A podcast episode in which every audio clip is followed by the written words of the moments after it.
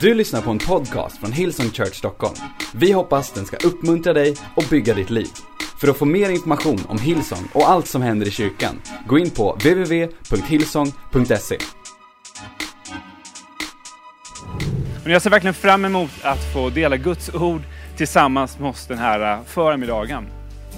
Under hela januari månad så har vi varit inne i det här temat som vi kallar för The Word. Där vi sätter ett särskilt fokus på, på Bibeln som Guds ord. Att, att läsa Guds ord tillsammans. Och på, på hillsong.se slash word så finner du massa praktiska verktyg, även om du inte har kommit igång med det än. Det ligger fortfarande kvar. Det är inte för sent att börja.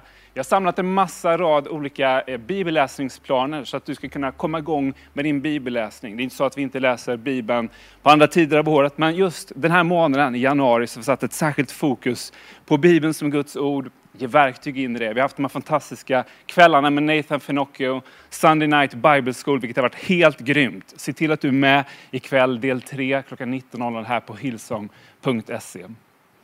Vet du vad, jag älskar verkligen Guds ord. Jag älskar verkligen Guds ord. Ju äldre jag blir och ju mer människor jag lär känna så märker jag att människor möter Gud och människor kanske har sina starkaste gudsupplevelser på lite olika sätt. För en del är det jätteviktigt det här med, med lovsång och musik och där möter man Gud på det kanske allra starkaste sättet. För andra så är det de här stora gudstjänsterna som vi brukade ha tidigare fram till mars förra året. I den atmosfären, i, i eftermötet, där möter man Gud verkligen starkt. För ytterligare andra så kanske det är tystnaden som är det främsta verktyget där vi möter Gud. Men jag för min del, för mig har haft och har de starkaste gudsupplevelserna när jag läser Bibeln, när jag läser Guds ord. Där jag har fått upptäcka så mycket sanningar om mig själv som har satt mig fri. Det har varit helt fantastiskt. Jag har fått upptäcka i den här boken att Gud är inte ute efter att döma mig. Gud vill sätta mig fri. Jag upptäckte i den här boken att Gud är på min sida. Jag upptäckte att mitt liv har ett syfte. Bibeln talar om att allting som Gud har skapat har ett syfte, så även ditt liv ett syfte. I den här boken har jag fått uppleva att jag behöver inte leva kvar i allt det där gamla som jag en gång var, utan jag är en ny skapelse i Kristus. Jag ska tala idag om Guds ord. Rubriken på min predikan idag är potentialen i Guds ord. Vet du, det finns en enorm potential och en kraft i Guds ord. Och Jesus talar om den när han undervisar sina lärjungar vid tillfälle. Från Markus 4, vers 3. Jag ska läsa det tillsammans med oss. Jesus säger så här. Lyssna. En lantbrukare gick ut för att så. När han sådde föll en del av sädeskornen på vägen bredvid och fåglarna kom och åt upp dem. En del korn föll där marken var stenig och jordlagret tunt. Det växte snabbt upp i den tunna myllan, men när solen steg vissnade det bort eftersom det saknade rot. Andra föll bland tistlarna. Och när tistlarna växte upp kvävdes det så att det inte gav någon skörd. Men en del korn föll i bördig jord och växte upp och gav skörd 30, 60 och till och med 100 gånger så mycket säd som hade såtts. Sen sa han, lyssna, hör den som har öron. När Jesus berättade den här liknelsen för sina lärjungar så förstod de inte fullt ut vad han sa. Och kanske att de var rädda att tappa ansiktet inför folkets skull, men de frågade inte där och då. Men när de var lite senare, var ensamma med Jesus, så ber de Jesus att Jesus kunde förklara vad den här liknelsen betyder. Och Jesus gör det villigt och glatt. Jesus säger så här, vidare från Markus 4, vers 14. Det lantbrukaren sår är ordet. Så Jesus är jättetydlig här att det här är en, det här är en liknelse, det är en viktig liknelse som säger någonting om Guds ord. Det lantbrukaren sår är ordet. Sådden bredvid vägen är det hos vilka ordet blir sått. Men som knappt har hört det förrän Satan kommer och tar bort ordet som såtts i dem. Sådden på den steniga marken är de som hör ordet och tar emot det med glädje, men som saknar rot inom sig och bara består en kort tid. När sedan lidanden eller förföljelse kommer på grund av ordet faller det genast bort.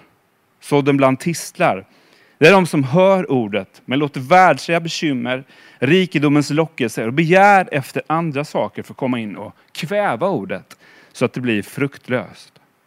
Men sådden i den bördiga jorden. Det är det som lyssnar till ordet och tar det till sig och bär frukt. 30, 60 eller till och med 100 gånger så mycket som den säd som såddes. Jesus ger en jätteviktig liknelse här. Han talar om, det finns en potential i Guds ord. Det finns eh, en, en kraft i Guds ord och rätt hanterat så kommer Guds ord ge framgång. Och jag älskar Guds matematik här. 30, 60 och inte 90 utan 100. Vet du, Gud han är alltid lite mer än vad vi behöver. Han nöjer inte sig med 90, han går till 100 direkt. Jag älskar Guds matematik. Men vad Jesus talar om här är att rätt hanterat kommer Guds ord ge framgång. Fel hanterat så kan det ordet som finns i oss till och med kvävas av sättet som vi väljer att leva livet på. Jesus lovar framgång eh, till den som följer hans ord. Jesus ger också en nyckel här i den här liknelsen som han berättar. Vilka är det som kommer få uppleva framgång med Guds ord som han säger? Jo, det är de som lyssnar till ordet och tar det till sig. Det skulle jag vilja tala med dig om idag den här förmiddagen. Jag skulle vilja tala om sju saker.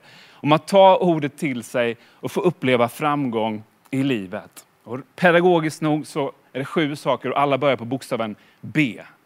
Så punkt nummer ett, som jag tror du behöver göra för att få uppleva framgång i livet, den här framgången som Jesus talar om. Nummer ett, besluta dig för att låta Bibeln vara Guds ord in i ditt liv.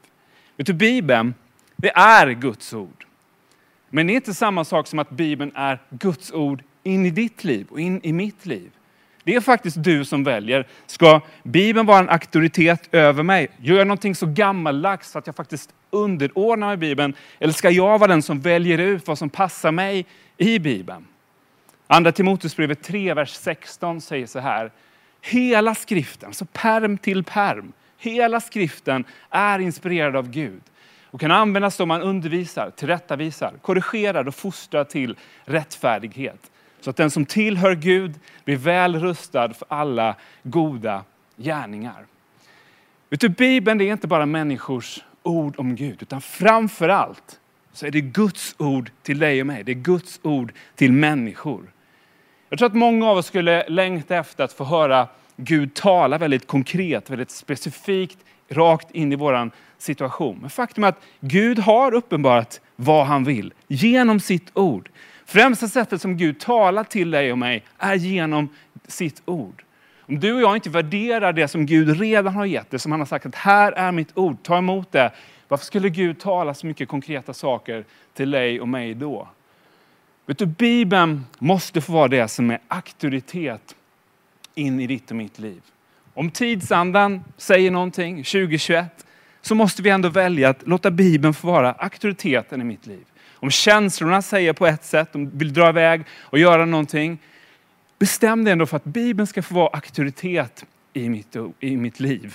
Det är vad du behöver för att kunna leva ett framgångsrikt liv, så som Jesus talar om här. Jag tror att den andra sak som vi behöver göra, andra saken på B, är att vi behöver begrunda Guds ord. Jag ska strax förklara vad det betyder. Psalm 119, vers 15 säger så här. Jag vill begrunda dina befallningar och tänka på dina vägar. Jag har min glädje i dina stadgar. Jag glömmer inte ditt ord. Begrunda är ett gammalt svenskt ord som betyder att tänka på, att, att fundera över. Vi skulle kunna säga meditera. Vet du, meditera är ingenting som bara tillhör någon slags österländsk filosofi eller österländsk religion. Det tillhör dig och mig, vanliga människor. Vet, en vis man har sagt så här att om du vet hur du bekymrar och oroar dig, då vet du också hur du mediterar.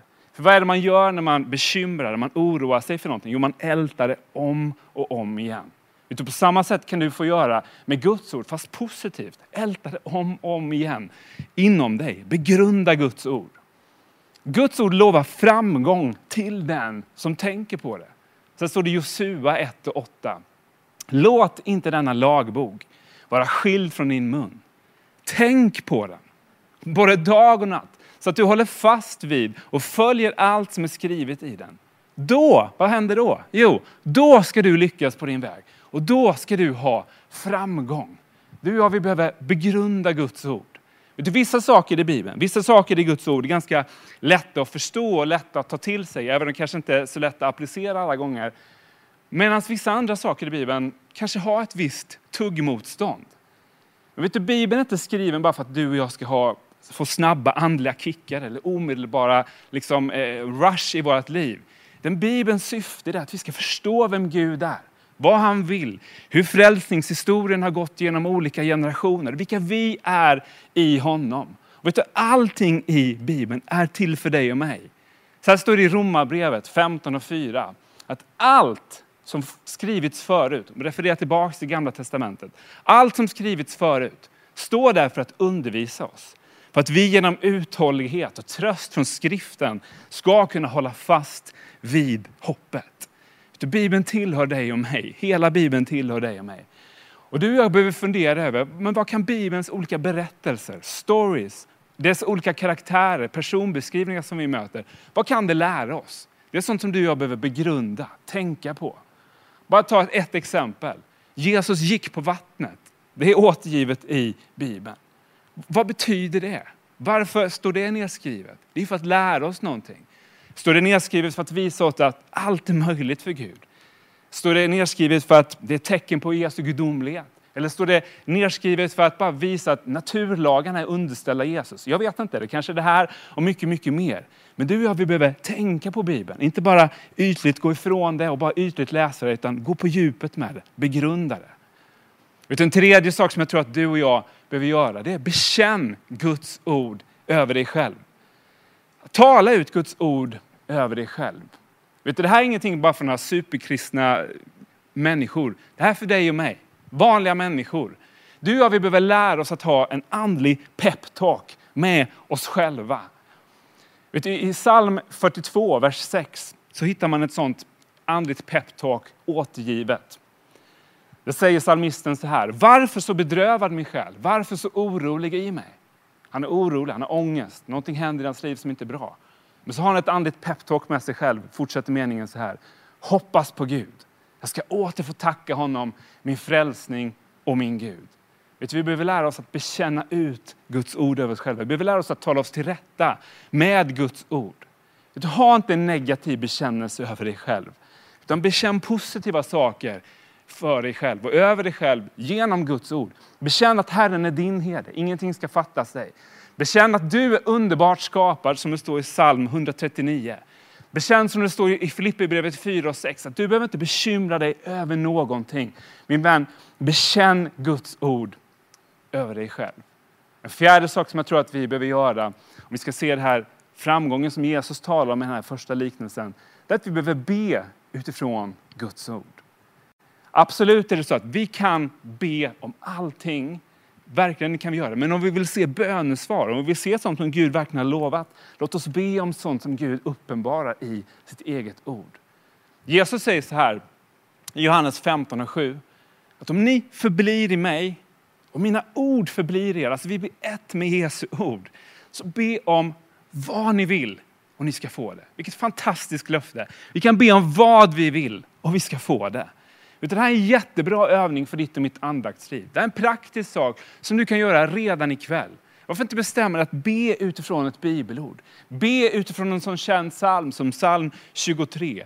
Att be Gud, tack att, att du är min herde. Tack att du har lovat Gud att ingenting ska fattas mig. Jag håller fast vid ditt ord Gud.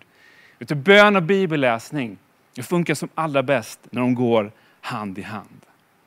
Den femte sak för dig och mig att göra det är att betrakta ditt liv genom Guds ord. Det som påverkar oss nästan mest i livet av allting, det är synen på oss själva.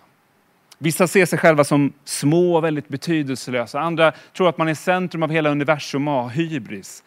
Hur vi ser oss själva är avgörande. Vi behöver lära oss att betrakta oss själva genom Guds ord. Att se på oss själva på det sätt som Bibeln talar om oss. Till exempel som står i andra Korinthierbrevet 5 och 17. Där står att den som är i Kristus är en ny skapelse. Det gamla är förbi, någonting nytt har kommit. Min vän, se dig själv sån som Guds ord säger att du är.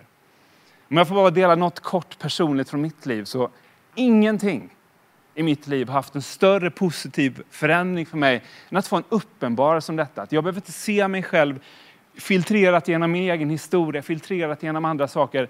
Jag ser på mig själv som, som Guds ord säger att jag är. Jag betraktar mig själv på det sättet. Det har hjälpt mig att gå från osäkerhet till självförtroende. Det har hjälpt mig att gå från en dålig självbild till en sund självbild. Det har hjälpt mig att gå från en känsla av fördömelse till en insikt om att yes, jag är fri. På samma sätt så kan Gud få hjälpa dig att hjälpa dig att se dig själv genom Guds ord. Du är inte vad du har varit, du är vad Guds ord säger att du är. En sjätte sak som jag tror att vi behöver göra. Vi behöver lära oss att balansera vårt liv genom Guds ord. Psalm 119, Bibelns längsta kapitel som handlar om Guds ord, säger så här i vers 105. Säger att ditt ord är mina fötters lykta och ett ljus på min stig.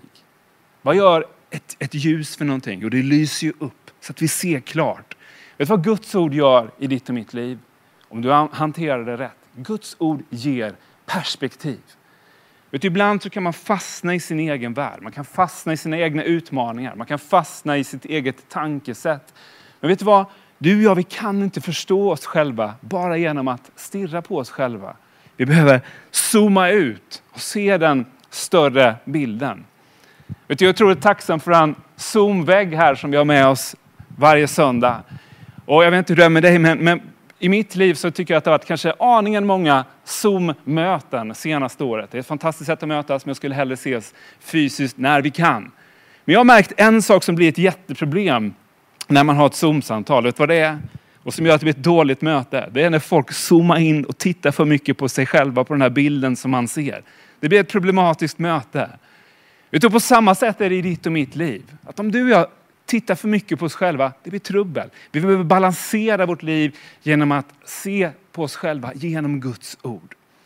Vet den sjunde, sista punkten som jag vill nämna, det är att du och jag, vi behöver lära oss att bevara Guds ord inom dig. Du behöver bevara Guds ord inom dig. Om du ska se den här framgången som Jesus talar om, att, att där du går från 30, 60, 100 fall. Du behöver lära dig att bevara Guds ord inom dig.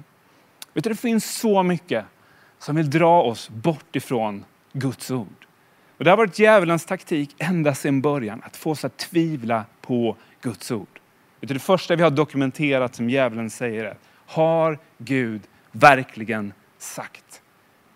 Djävulen vill så in tvivel på Guds ord in i ditt liv. Det är samma taktik från begynnelsen och det är samma taktik nu. Vet Jesus talar om något väldigt allvarligt, den här liknelsen om sådden.